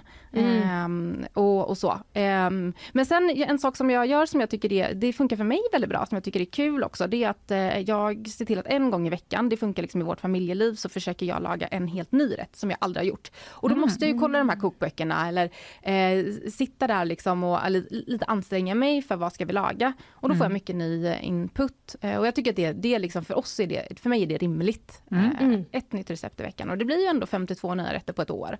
Ja. Eh, så att, eh, Herregud, och sen kanske vissa blir eh, engångstester och andra Exakt. återkommer. Ja, ja, verkligen, Mm. verkligen. Jag tar med mig det här om inspiration. Där Ja, fastnar jag ofta. faktiskt. Just att, man, ja, men just att man tänker så, Åh, vad ska jag laga? Jag har ingen inspiration, jag Ja. skiter i det. Men det, då kan man ju bara köra ändå. Ja. Typ. Men också att eh, kanske så här, eh, min sambo gör det varje gång vi har ätit någonting som han tycker är gott. Då har han lite dokument som han sätter, skriver så här, ja men eh, den här rätten var jättegod, var hittar jag den? Mm. Så att eh, man liksom Mm. bara kan kolla Det i är den. bra. Eh, Då har man den på dokumentet. speed dial recepten. På men det känns som att man ganska ofta lagar något som är gott och sen glömmer man bort att Mm. man någonsin har gjort det. Mm. Så det är ju det också, Ja. när man väl står där i Ja, affären. Man ska komma ihåg. Ja, eh, vi ska gå vidare lite för du var ju medförfattare till ett eh, debattinlägg på DN för någon eh, vecka sedan. Eh, där du och eh, 14 andra eh, dietister eh, lite kanske kritiserar samhället, eh, tolkar jag det som i alla fall. Rubriken är i alla fall Samhället har gjort det lätt att leva hälsosamt. Kan du Ohälsosamt. Ohälsosamt. Det var, din, det var drömartikeln. Så här, om tio år så har vi det den istället. Ja, precis. Eh, men kan du inte berätta lite mer om den, eh, om kritiken som ni för fram där? Ja, men det, den handlar väl egentligen om att som det är idag så har vi liksom en hel del kostråd och rekommendationer och vi är väldigt liksom, bra på det. Eh, men det lägger också väldigt mycket ansvar på individen att den ska liksom uppfylla det här då. Samtidigt som att vi lever i ett samhälle som gör det allt mer lättillgängligt med ohälsosam mat. Och det är väl det då lite som den här, eh, eh, som den här artikeln verkligen vill lyfta fram att vi behöver kanske sätta matfrågan under liksom lite politisk lupp Mm. för att hjälpa ja, men, befolkningen att leva hälsosamt. Eh, och vi ser ju att liksom, eh, eh, övervikt och fetma ökar, vi har många sjukdomar kopplade till det och det går liksom inte att bara belasta individen för det när vi har samhället som hela tiden bara så här, köp det här, köp det här, köp det här. Eh, det går inte att gå många meter innan man är liksom till nästa dåliga liksom, alternativ och till nästa dåliga alternativ. Eh, och att då bara lägga på så här, men vi har ju sagt att vi ska äta detta. Eh, det är lite, det, vi tycker att det är fel. Mm, att man behöver ta till fler metoder helt enkelt. Ja, för att begränsa tillgängligheten. Eh, och då har vi liksom radat upp en del förslag då på hur man skulle kunna göra till exempel eh, skatt på sockersöta dryck, eh, förbjuda viss reklam riktat mot barn när det kommer till mat eller barn och unga. Ehm, Ehm, ja, men helt enkelt göra det och, och sen också då gärna liksom eh, lyfta den bra maten, att kanske skatteväxla så att vi får mindre moms på frukt och grönt, Mm. eh, så att det blir billigare. Eh, så. För igår så rapporterade Sveriges Radio Ekot att Livsmedelsverket kräver åtgärder mot sötsaker just för folkhälsans skull. Då. Och att Och man... sockersöta dryck, det där blev ju ja, lite... precis. Det blev lite ändring där sen. Ja. Men de, det de ville var att de ville kanske undersöka möjligheten att höja skatten på läsk. Exakt. Eh, vad tycker du om det förslaget? Ja, men det, har ju- har vi, det har vi tagit med det där i artikeln, så att absolut, vi tycker att det är jättebra att de undersöker det. Eh, för så gör man ju i många andra länder nu och eh, till exempel Storbritannien är ju läsk mindre söt än i Mhm. Sverige. För att då har det blivit som en producentavgift då. För att producenterna får då skatt på att ha mycket socker i läsken. Eh, och då har man sänkt so- sockerhalten. Så att eh, till konsumenten så är det inte, liksom, särskilt, inte dyrare att köpa den läsken. Men den innehåller eh, eh, tre gånger så lite eh, eller en tredjedel av sockerhalten som den gör här i Sverige. Och det är ganska Mm. intressant att vi kan köpa typ samma läsk liksom, fast det är Mhm. väldigt olika innehåll i de här två länderna. Just det. har ingen aning om. Om man, vi ska alldeles strax ta lite eh, lyssnarfrågor men eh, det finns en fråga som eh, vi eh, också måste ställa som eh, jag tror att du vet vilken fråga det är jag är ute Mhm. efter. Som du kanske också har fått förut eftersom det är mycket inflation, men portionen under tian. Mm. Jag gissar att det var den här frågan. Ja visst, jag kände, jag kände det. Ja. Eh, går det, för det är ju det liksom, eh, som din hemsida heter, Mm. det är väl där det kommer ifrån antar jag? Ja absolut. Ja. Mm. Eh, går det att laga mat där portionen är under tian fortfarande? Eh, jag, jag kan ju alltid säga, hur stor portion behöver du? Nej, men, eh, nej, nej men absolut har det blivit svårare. Eh, det, jag, jag fattar ju det när jag satte det namnet att det här kommer inte vara för evigt för vi har alltid en prisökning, vi har alltid en liten inflation. Ja, du om- tänkte det redan då? Ja, men jag är inte, jag är inte dum, eh, höll jag på att säga. Men eh, det, kommer ju, det kommer ju absolut bli svårare. Men, eh, men eh, jag skulle säga så här, att även om, eh, alltså det går fortfarande att få vissa rätter under tiden, det gör det. Mm. Eh, Men många av rätterna nu ligger ju som jag har på hemsidan, de kanske ligger på 12, 13, 14 kronor. Eh, Så att det är fortfarande väldigt billig mat. Och, och på, under åren har ju inte, är, för mig, nu låter det lite kanske konstigt, är inte portionen under tian bara eh, så här, portionspriset, utan det är liksom ett annat tänk kring maten. Eh, och och liksom vilka livsmedel vi ska få in mer av och sen kanske så här att vara liksom lite nöjd med mindre, alltså generellt i livet, att liksom hur kan man ha en hållbar livsstil? Så, så att, men jag skulle ändå säga att så här, om du är helt, lyssnar på det här för första gången och jag vill laga, börja laga billig mat så är jag rätt övertygad om, såklart beroende på utgångsläget, att du kommer att kunna sänka dina matkostnader ganska ordentligt genom att följa de här recepten och råden. Det är inte bokstavligt talat under tian utan mer... Ja men nu är det ju svårt. Ja. Eh, Mm. Men sen tror jag väl matpriserna kommer ju gå ner, men nu har vi liksom matpriser som ligger nästan upp mot 20% mer. Eh, och det är inte som att jag har gått in då och liksom korrigerat alla recept i mängder. Eh, utan, eh, det var ju bara 400. Ja, ja men jag, jag gör det. Det går fort. Exakt. Eh, vi kommer in på lite lyssnarfrågor. Ja, vi måste hinna med Det här är ju så- spännande. Vill du börja läsa, ta första Fanny? Ja, den första frågan är, har du något tips på lättlagad mat för kräsna barn? Mm. Det har jag faktiskt, eh, för jag har en ganska kräsen unge själv. Eh, men det finns en rätt som heter, eh, som heter majscarbonara och det är absolut ingen riktig carbonara utan den, men den går hem hos barn. Den är, då tar man och liksom, barn gillar ofta majs Mm. så det är liksom, det är bra. Sött och gott. Ja, exakt. Eh, så den brukar gå hem. En lins stroganoff, det är ju då en, som en stroganoff fast med linser istället. Den brukar också hört går, funkar jättebra. Även den här lasagnen jag pratade om brukar många liksom Mm. gilla. Eh, barn. Så det är väl tre stycken recept jag skulle eh, Mm. tipsa om. Bra leverans. Tre av sju dagar i veckan redan lösta. Och så blir det kanske lite matlådor också. Mm. Ja. Eh, sen har vi en lyssnarfråga eh, här då från en person som eh, har... Är det du, Linnea, som Nej, har ställt det den här är inte frågan? jag som har ställt den här frågan. Jag skulle precis försöka formulera mig. Men, eh, nej, men så här undrar den här personen då. Att laga snabbt trumfar nästan allt. Mm. Eh, bästa tipsen för snabb matlagning? Ja men eh, det är ett tråkigt svar jag kommer ge dig här nu då. Men då tycker jag att du ska göra storkok så kommer det gå så fort nästa gång. Alltså att göra dubbelt så mycket av någonting tar oftast inte dubbelt så lång tid. Om du inte gör en väldigt mycket handpåläggning, du vet när det ska rivas Mm. eller, Mm. eller liksom rullas massa bollar och så. Det kan ju ta lite längre tid. Men gör en, en gr- batch gryta och frys in. Eh, men vill du ha liksom snabb mat nu så jag har många recept faktiskt som är på 20 minuter. Det finns till och med en vecka som jag har lagt upp som heter snabbvecka tror jag. Den hittar man under veckoplaneringar. Eh, där är, ska alla rätter ta runt 20 minuter. Mm. Eh, Finns det ett helt gäng helt enkelt där. Mm.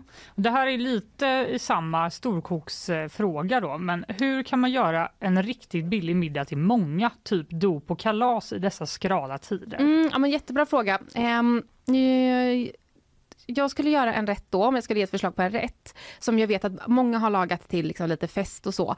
Det är en, en bönchili, som, den är jättelätt att göra liksom mycket. Jag har själv lagat den till 80 pers, så att I Oj. know. Oh. Eh, Vad hade du för kastrull? Ja, men den var enorm. Och då kan jag tipsa om en lökhackare om man liksom ska Ja, stå och hacka Ah. supermycket lök. Men, eh, men då är den och sen är det en majskräm som är super, super god. Eh, och sen kan man göra egna tortillabröd, men det är också enkelt att köpa. Om man ska göra till väldigt många kanske det är enklare att köpa. Mm. Men den är väldigt, väldigt, väldigt enkel och jättegod faktiskt. Eh, mm.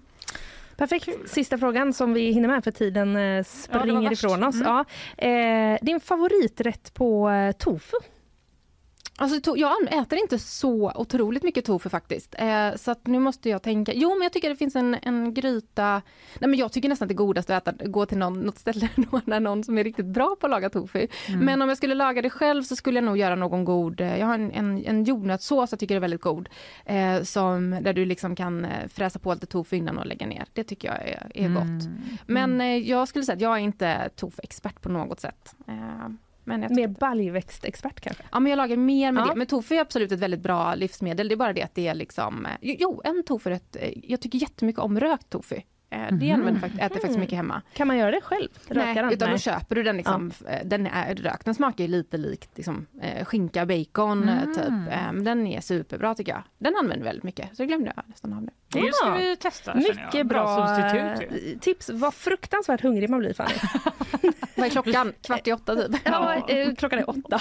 Exakt. Vi avslutar sändningen och så går vi och köper något. Nej, det gör vi inte. Ja, Vi käkar ju lunch här 8.30 ungefär. Så att, eh, det är ju den tiden vi jobbar med. Men eh, Hanna, tusen tack för att du kom. Ja, Tusen tack. Det, Det var väldigt inspirerande Ja, faktiskt. det var det. Även om man inte behöver vara det då. Men alltid. Nej, det behöver man inte vara. Men ändå. Ja. Tips och eh, idéer. Du, eh, välkommen tillbaka en annan gång. Tack så mycket, jag kommer gärna. Kul. Eh, vi ska släppa ut eh, Hanna eh, ur studion. Vi tar eh, faktiskt några ord från våra sponsorer under tiden vi gör det. Nyhetsshowen presenteras av Skeppsholmen, Sveriges vackraste hem och fastigheter. Lilla soffbutiken med det stora urvalet. Mjuk biltvätt, en ren upplevelse. Clearly, kontaktlinser på apotek.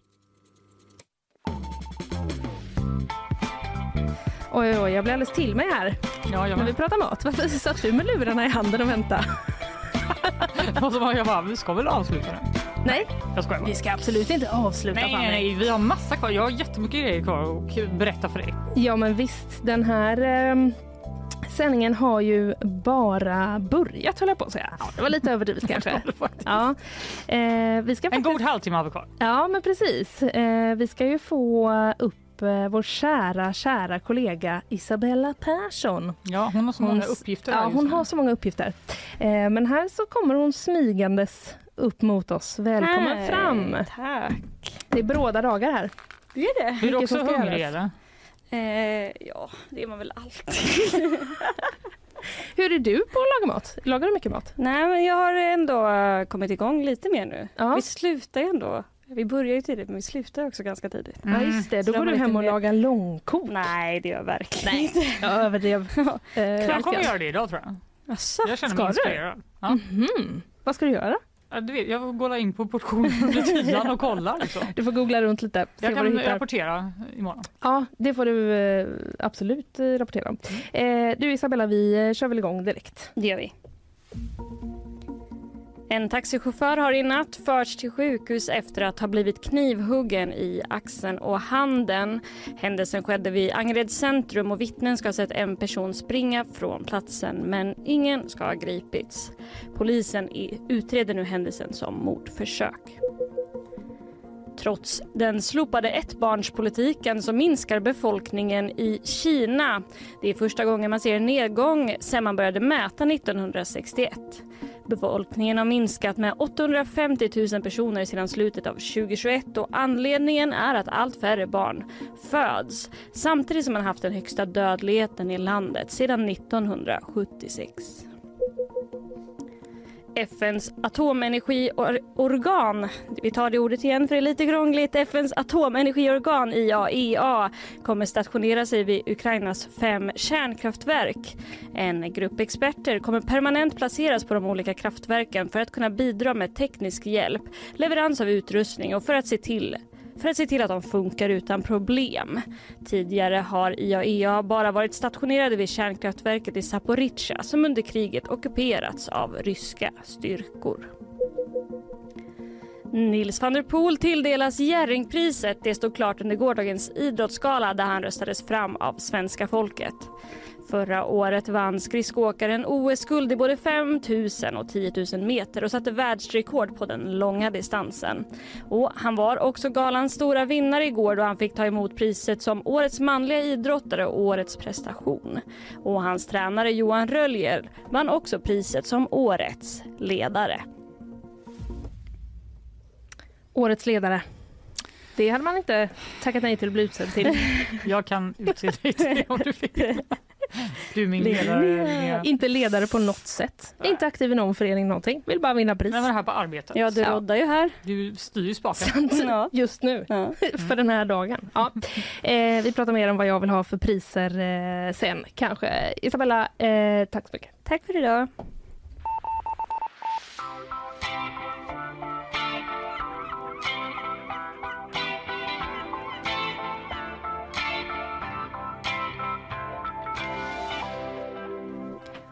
Då eh, är det dags Fanny. Ja, Lite smått och gott ska vi plocka ihop nu. ja eh, jag tänkte att jag skulle börja Mm. med eh, en rubrik som fick mig att höja lite på ögonbrynen Mm. på vår egen sajt gp.se. Direktörer i Göteborgs stad tjänar över 100 000 i månaden men saknar arbetsuppgifter. Ja, just det. Det var den du sa i början. Ja, vad menas med det? det? Undrar du?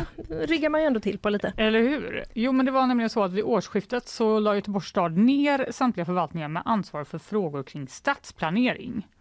Det är ju då fastighetskontoret, lokalförvaltningen och park och natur. Och det är ju inte för att vi hatar stadsplanering i Göteborg. det vet vi ju sen igår när vi hade vår stadsarkitekt här, Ja. Björn Sisjö. Utan det är för att de håller på och omorganiserar och eh, nya förvaltningar ska ta över de här frågorna helt enkelt. Mm. Men flera av då direktörerna som satt och chefade över de här eh, förvaltningarna fick inte förnyat förtroende i den omorganisationen. Mhm. Och eh, från och med den 1 januari nu då så upphörde deras uppdrag. Men trots det får de alltså fortfarande lön på över 100 000 kronor i månaden för att inte göra någonting just nu då. Hur länge ska de få den lönen för att inte I göra någonting? ett halvår. I ett halvår?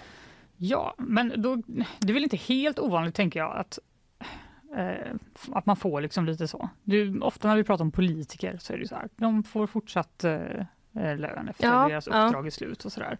Så är det här verkligen en grej, men, undrar du kanske? Ja, Mm, Men det verkar vara så att de här direktörerna hade liksom kunnat sägas upp för sex månader sedan. För att de fick liksom, eh, i praktiken informellt eh, liksom, bli, bli uppsagda då. Och man Mhm. visste ju att de inte skulle ha någonting att göra från och med januari.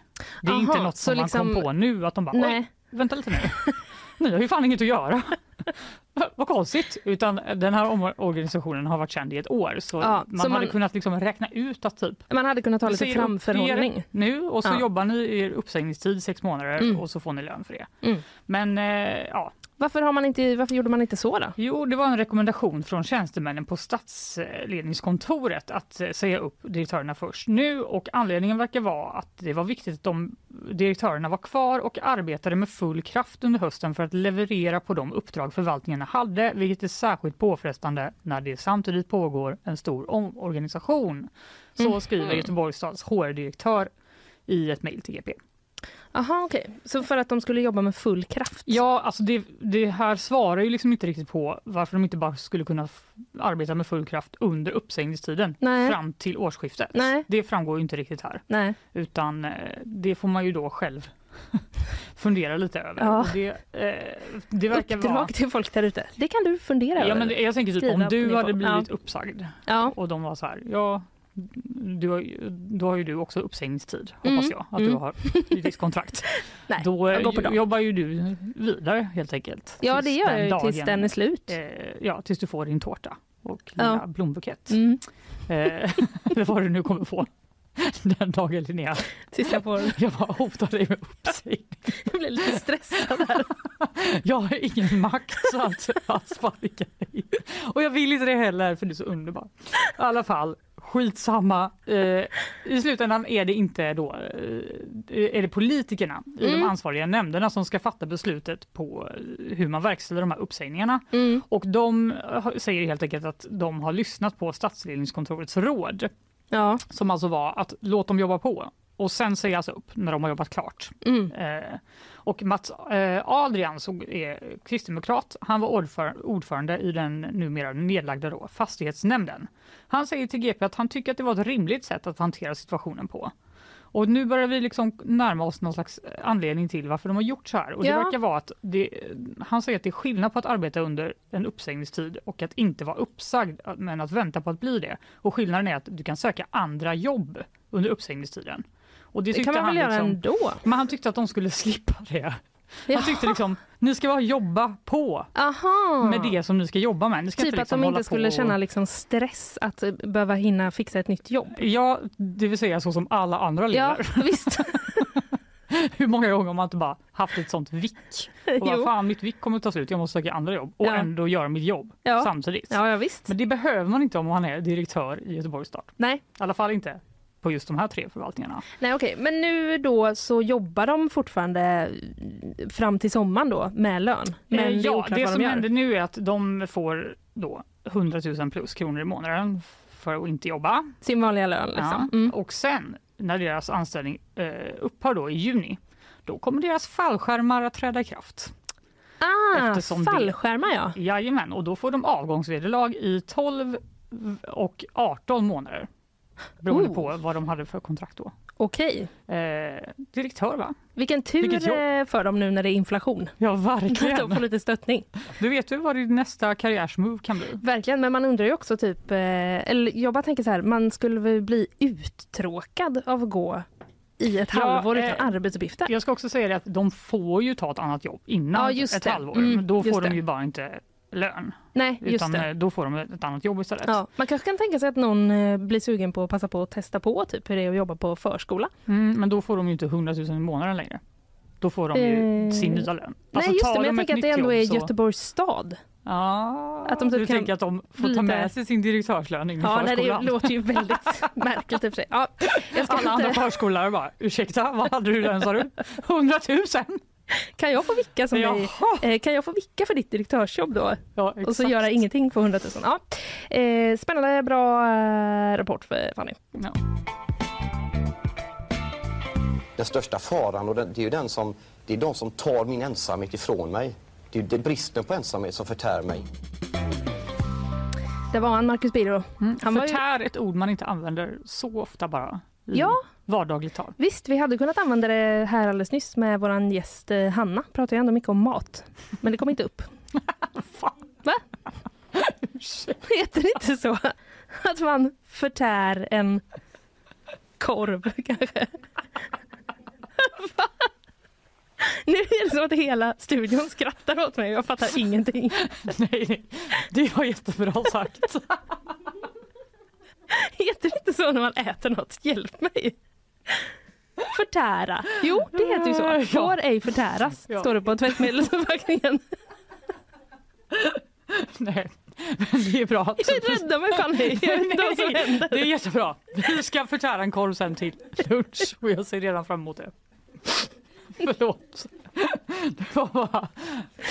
Ja. Ja, just det. Ja, det är jag som det. Jag väntar på att du ska börja prata om något annat. Ja, förlåt, ja. jag trodde det var du som skulle rädda mig. Ja. Okej, vi tar oss bort från det här. Eh, vi ska till Tyskland igen.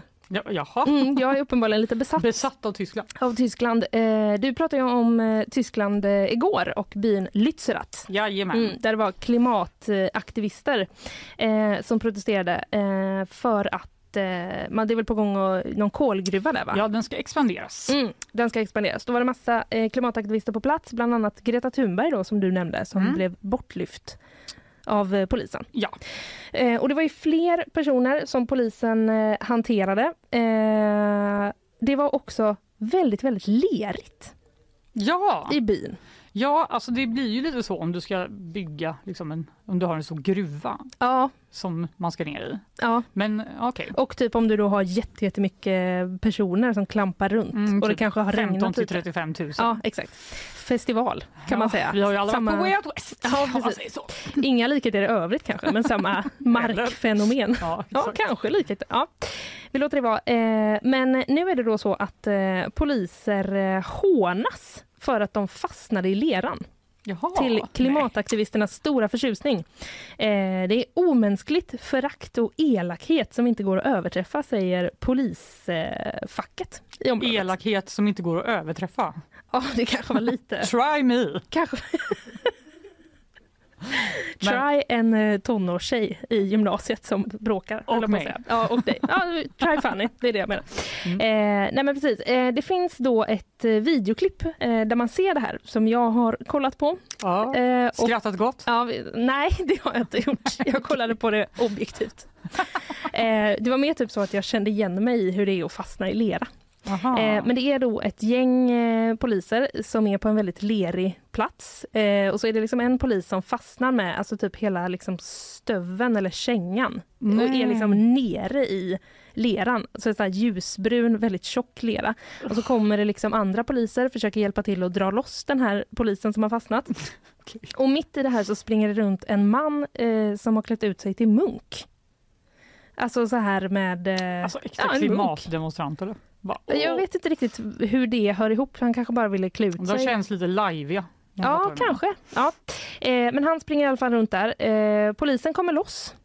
Men då fastnar polisen som försökte hjälpa den första polisen. Nej! Jo. Det är som en sketch. Ja, det är faktiskt lite som en sketch. Ja. Det var faktiskt det. Eh, och då eh, springer, den här fram, eh, springer den här mannen som är utklädd till munk fram och knuffar ner polisen som har fastnat i leran. Oj, Ja, han liksom, modigt. och jag fattar inte heller hur han inte kan ramla. För han, tar, han är liksom så smidig. Han kanske har såna racket på fötterna. Ja, det kan vara så. Jag vet inte, du kanske hade sett det i och för sig. Om han sprang upp en tennisracket på fötterna. Ja. Kan man se det här klippet på? Man kan se det på gp.se. Ja, Mm. Man behöver bara kunna stava till Lützerath Ja, det är för att söka ganska fram svårt. Det är jättesvårt. Man kan söka på eh, Tyskland, klimataktivister till exempel. Så hittar man det. Men jag tänker att det ska Google-skola. Ja, precis. Nyhetsskola. Mm. Jag tänker att vi ska lyssna på ett litet klipp Mm. eh, eh, från och bara höra ljudet. Eh, I slutet så hör man då klimataktivisterna jubla. Det är Oj. efter att den här munken då har knuffat polisen.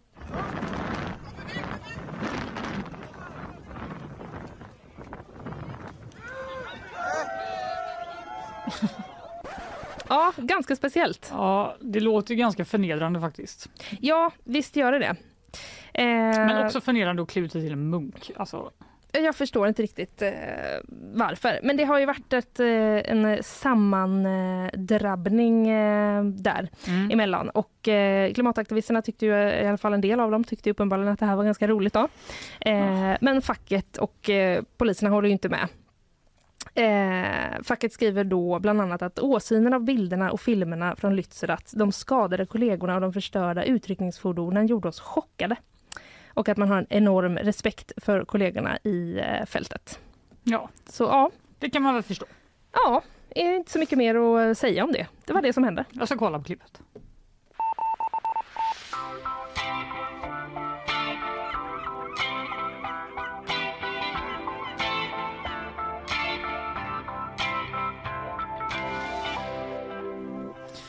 Vi ska också återvända till något annat jag pratade om igår och det var nämligen Shakira och Ja, hennes disslåt av hennes exman fotbollsspelaren Gerard Piqué. Ja, först och Mm. främst så sa jag ju då att den här disslåten var den mest streamade på Youtube genom tiderna. ja, Ja, och varför sa jag det undrar du? Ja, därför det stod det i rubriken. ja. Men en sann journalist, som jag uppenbarligen inte är då, hade ju såklart djupläst texten. Det ja. gjorde jag inte. Eh, Men nu har jag gjort det och därför ska jag rätta mig själv. Eh, För längre ner i texten står det nämligen så här. Låten lades upp den 12 januari och visades under ett dygn 63 miljoner gånger. Vilket gör den till den mest visade latinamerikanska låten någonsin på Youtube de första 24 timmarna efter publicering. Så jag upprepar, det är alltså inte den mest streamade låten någonsin utan det är den mest visade latinamerikanska låten någonsin på Youtube de första 24 timmarna efter publicering. Här vill jag ändå säga att man kanske tog i lite i rubriken. Ja, det var inte lika klatschigt dock, så jag förstår att man inte ville ha det i rubriken. Nej, det kan man ju förstå. Men, Men- eh, det ger ju eh, onekligen upphov till att vissa... Eh, Säger fel. Ja, Och kanske andra också ja, ja. ja. har spridit den här fake news. Visst, så kan det vara. Men nu har vi tagit ansvar och eh, rättat det här. Ja, eh, skitsamma. Det var ju jätte, jättemånga som kollade på den oavsett. Ja. Mm. Eh, och eh, det jag pratade om igår var att Shakira då levererade vissa dissar till sin man. Mm. Bland annat att han borde träna sin hjärna lika mycket som han tränar sin kropp. Eh, och nu visar det sig att eh, Hoppas den inte levererar så. det var inte en jätteburn, men Du tycker inte det? nej. Nej, men du ska du ska få recensera Ja, då mm. hennes exman Mm. Gerard Piqués dissar tillbaka till Shakira Oj, oj, oj. som han då gjort in the public. Eh, hon sa ju inte bara det här då med hjärnan och eh, kroppen utan hon sa också att han hade bytt ner sig från en Rolex-klocka till en Casio Just eftersom det. han har skaffat en ny 23-årig tjej. Då. Ja. Och som svar på det eh, så lät eh, Piqué Casio bli sponsor till hans fotbollsturnering Kings League. Mhm. Jag läser på sajten fotbollespania.net. Åh, en sajt där du Lol. ofta är inne. Låter Nej, som. verkligen. Jag fick det här tipset av eh, Ulf Rosvall på två dagar Okej. och han hade läst det på Det är inte så att- fotbollespania.net. Det är inte din startsida. Nej, men nu kommer det vara det Ja. efter den här Mm. fantastiska nyheten. Där står det in a hilarious response to the singer. Eh, Det får ju du avgöra. då. Eh, Piqué announced on Twitch that Casio became a sponsor of Kings League and each president in the league would be given a watch from the company. Eh, Så han har liksom verkligen brett på här och det Ja. finns olika bilder på honom där han har på sig en sån här Casio-klocka och typ pekar på den och bara "Wow, kolla vilken fet klocka. Ja. Så nu älskar han eh, tydligen Casio. Alltså jag tycker ändå att det var ett ganska bra kontring. Det, är Ja, det det, är tycker ju, det är ju ändå att han äger det. Liksom. Ja det gör är han verkligen. som typ, Bokstavligt talat. Ja. Han äger den klockan nu. Han kanske fick den. Ja det kanske han gjorde. Men att han liksom, eh, det var lite samma strategi i liksom när man får en burn typ. Som väl eh, Greta Thunberg gjorde. Mm, just det. Eh, med han eh, Andrew Tate hette han Mm. va? Det var också något att så här, hon tog det han skrev och bara, mm, bara, twistade lite. typ. Ja, Ja. verkligen. Okej, du är ändå lite positiv. Ja, jag tycker det eh, var ganska alltså, effektivt som liksom om, om man ska fightas. Ja, det vill komma med. Mm, ja. Eh, för att Shakira sjöng också i låten att han hade bytt en Ferrari mot en Twingo. Det har jag lärt mig nu är en liten gullig småbil som det står på Mhm. internet. Som Renault gör. Småbil var ett nytt ord för mig, men det är helt enkelt en liten Renault. Ja, just det. Det är en, eh, s- en liten eh, bra att fickparkera ser det Ja. ut att vara. Det är inte en Ferrari. Nej. Eh, och eh, sagt och gjort, då valde Piqué att anlända till nämnda turnering Kings League i just en Twingo Okej. istället för sin. Ferrari. Ja, nu skulle jag säga att vi börjar komma upp i att han bryr sig för mycket. Eller hur? Det Ja. känns så himla barnsligt. Mm, faktiskt. Du kunde bara gjort en utav Ja, grejerna. mm. Eh, Han kanske håller på att träna sin hjärna också. Det är lite svårare att göra det viralt. Han sitter som en Rubiks kub. va? Och Shakira bara, Åh, kan du sluta? Jag orkar liksom inte. Jag måste göra allt bokstavligt. Nej, det blir inte så himla bra comeback. Nej. bara ta en bild på... Eller kanske. Nej, men ja, det hade ju säkert blivit viralt i alla fall. Ja, det hade det säkert. meme-värdig. Mm, Ja, absolut. Men oavsett så tycker jag att eh, han hade fått välja en av de här grejerna, två, en av de två grejerna Ja, som han har gjort. klockan tror jag här Ja. var bäst. Men Mm. nu, han fortsatte här då. Han Men nu fortsätter. verkar det han ha, ha lugnat ner sig lite. Vi får väl se om det fortsätter. Det är lite kul, det är också lite sorgligt eftersom det är Ja. två vuxna människor som har två barn ihop och håller på så här. Ja, Men, det är ju eh, inte så himla kul. det kan, vara, det kan vara jobbigt att, att skiljas. Vad ska Det kan, ja, herregud. Det är, inte för att jag vet, men det verkar Du kan jättejobbigt. tänka dig. Ja, det kan jag göra. Vi får hålla koll eh, på eh, nästa steg i den här eh, fighten. Mm. Mm. My penis was oscillating between extremely sensitive and borderline traumatized. The last place I wanted to be was Frostnipistan. Jag trodde vi var överens om att den här bumpen skulle raderas. Ja, jag vet, jag är ledsen Fanny, Då men måste jag gå till facket nu. För jag klarar inte av det här. nej, det var, eh, den låg kvar. Ja, och okej. eh, det var den enda jag inte hade kört än idag. Så, att, så fick det Det är bli. inte ditt fel. Det är Kalle som har lagt in den från början. Exakt, jag är ju livegen här. Jag kan ju inte, jag kan ju bara vad ska jag göra liksom? Nej, Jag bara visst. trycker på olika knappar. Eh, du, nu ska vi, eh, nu ska vi till Ukraina. Jaha. Ja, eh, Ukrainas oväntade allierade, de lokala bävrarna, läser jag på vår egen What? sajt på GP. Ja, visst. Okej. Eh, ja, hur funkar det, tänker du? Det blir man, Eh, De har eh, en bäverarmé. Vi Oh. får de små pinnar som betalning. Mm, små pinnar. Nej, men usch. De äter då? Stora pinnar? Ja, jag vet inte. Ja, Nej. Okej, eh, du, eh, översvämmade floder, lervälling och vattendränkta fält eh, gör en ny rysk invasion från norr osannolik. Mm. Men eh, de ukrainska försvararna har också fått hjälp av en osannolik allierad, den lokala bäverpopulationen. Otroligt. Ja, precis. Hur eh, funkar eh, det? Kan man ju verkligen eh, undra. Tänker ja, du? Lite mer detaljer vore bra tror jag. Ja, precis. Bävern har gjort eh, sitt bästa då för att terrängen ska bli så oframkomlig som eh, möjligt. Mhm. Eh, så här säger då Sergej Tjominski som är talesperson för terro territorialförsvaret. Mm. Normalt sett förstör folk deras dammar när de byggs, men det har inte hänt i år på grund av kriget, så nu är det vatten överallt. Jaha, de har inte samma, samma problem som High Chaparral. Eh, Det är vatten överallt. ja, men just den vattenaspekten. Eh, fast Ja, Okej, det är inte krig på High Nej, Chaparral. nej, det är det inte. Det är väldigt sant. Men, eh, nej precis. Men eh, ja, bävrarna bygger alltså dammar. Jaha. Vanligtvis plockar folk bort dem. Nu är det ingen som har plockat bort dem. Nej. Så då blir det ju liksom nya vatten Ja, för att de stoppar upp det. och nu kan inte människor gå där helt enkelt. Exakt, det gör det helt enkelt svårt för eh, de eh, ryska eh, styrkorna att eh, ta, Ta sig sig fram. Ja, Ja, Det var, riktigt, det var faktiskt en riktigt otippad nyhet får jag säga. visst var det det. Jag hoppas att bävrarna får, eh, eh, liksom, får något för det här. Ja precis, en stor pinne. En stor. Eller eh, vad det nu är de äter. Nu ska vi prata om andra djur. Ja, Exotiska ormar. Åh, Ja, du, är väl, är du ormrädd eller? ja det är jag. Mycket. Eh, alltså, det ser ja. ut som att din kropp liksom ja, men det gjorde den. reagerar på ordet orm.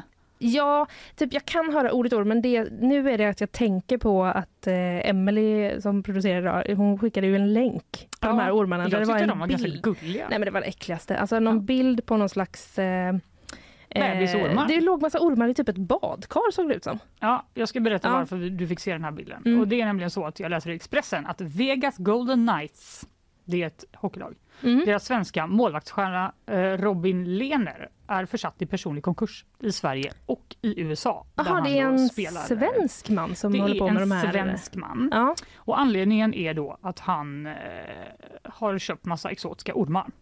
Eh, Robin Okej. ska ha skrivit på ett femårskontrakt 2020 till 2021 som var värd 260 miljoner kronor och har under sin... Är det NHL ormar eller hockey nu? Nej, nu är det hockey. Jag vill bara för- förklara Mm, att han har mm. massa pengar. Mm. Eh, under sin NHL-karriär har han skrivit kontrakt på sammanlagt 400 miljoner kronor.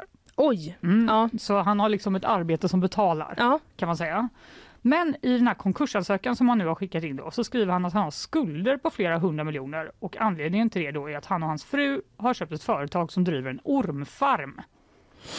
Denna ormfarmen har då skulder på mellan eh, ja, 100 till 500 miljoner kronor. Oj! Ja, det är ju väldigt mycket pengar. Alltså, det är så mycket pengar att man nästan bara zonar ut. Ja, man kan nästan inte liksom tänka hur mycket pengar det är. Men vad, är det så dyrt att ha ormfarm? Alltså det, är väldigt, det är en väldigt konstig historia det här. Mm. För eh, Lene ska ha köpt en samling exotiska ormar 2017 av en man vid namn Ben Rennick, läser jag Expressen, Mm. eh, för, för eh, 12 miljoner. Eh, En summa han skulle betala av kvartalsvis. Som CSN, höll jag på att säga. Som CSN, fast ormar. Mm. Men efter några månader så mördades den här mannen, Ben Rennick, Mhm. av hans hustru som har, har dömts för det här. Hon fick 16 eh, års fängelse. Och då ska han då ha slutat betala av den här Mhm. skulden till honom, vilket han har stämt för flera gånger eh, av då eh, den här mannens dödsbo, antar jag. Mm.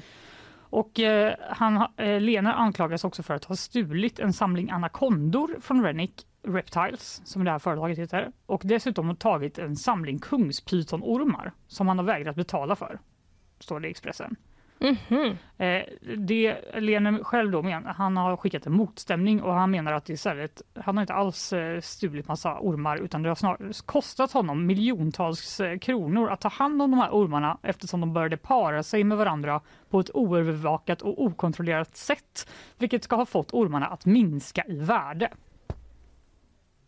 Va? Minskar de i värde? Men jag antar att det är fler, alltså att de blir flera då. Aha, att de typ inte är lika exklusiva? Ja. Det är en väldigt märklig business att vara i. Väldigt märklig business. Ja. Eh, De ska ha nått en uppgörelse, de här parterna, eh, då, Okej. eh, som hålls hemligt. Men summa summarum är fortfarande att han då, hans pengar är slut och han behöver gå i personlig konkurs på grund av det här. Herregud. Så jag ser det som en varning. Investera Ja. inte i en ormfarm. Du vet aldrig vad som kan hända sen. Du, eh, jag skriver under på den eh, varningen. Jag tycker man ska hålla sig långt borta från ormar. Låt dem vara. Låt dem para sig okontrollerat.